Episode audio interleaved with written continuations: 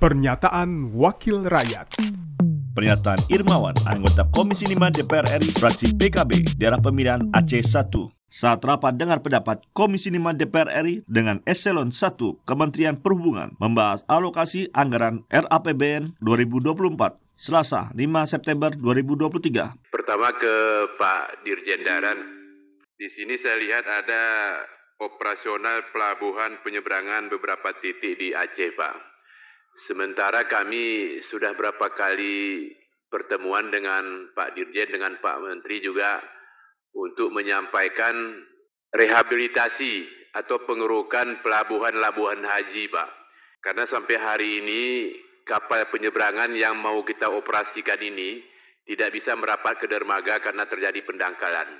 Dan ini sudah berapa kali kita sampaikan, Pak. Jadi saya berharap di Dirjen Darat ini agar bisa mengalokasikan tidak hanya untuk operasional pelabuhan penyeberangan di Labuhan Naji, tetapi untuk pengerokan pendangkalan tersebut, Pak. Sehingga kapal yang akan merapat ke Darmaga tidak ada terkendala seperti terjadi pada saat ini, Pak. Ini catatannya untuk Dirjen Darat, Pak.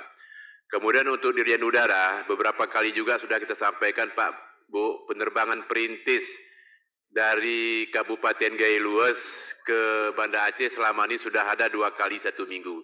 Tetapi yang sangat dibutuhkan masyarakat sesungguhnya bukan hanya ke Banda Aceh, Bu. Tetapi Blangkejren, Medan juga sangat dibutuhkan.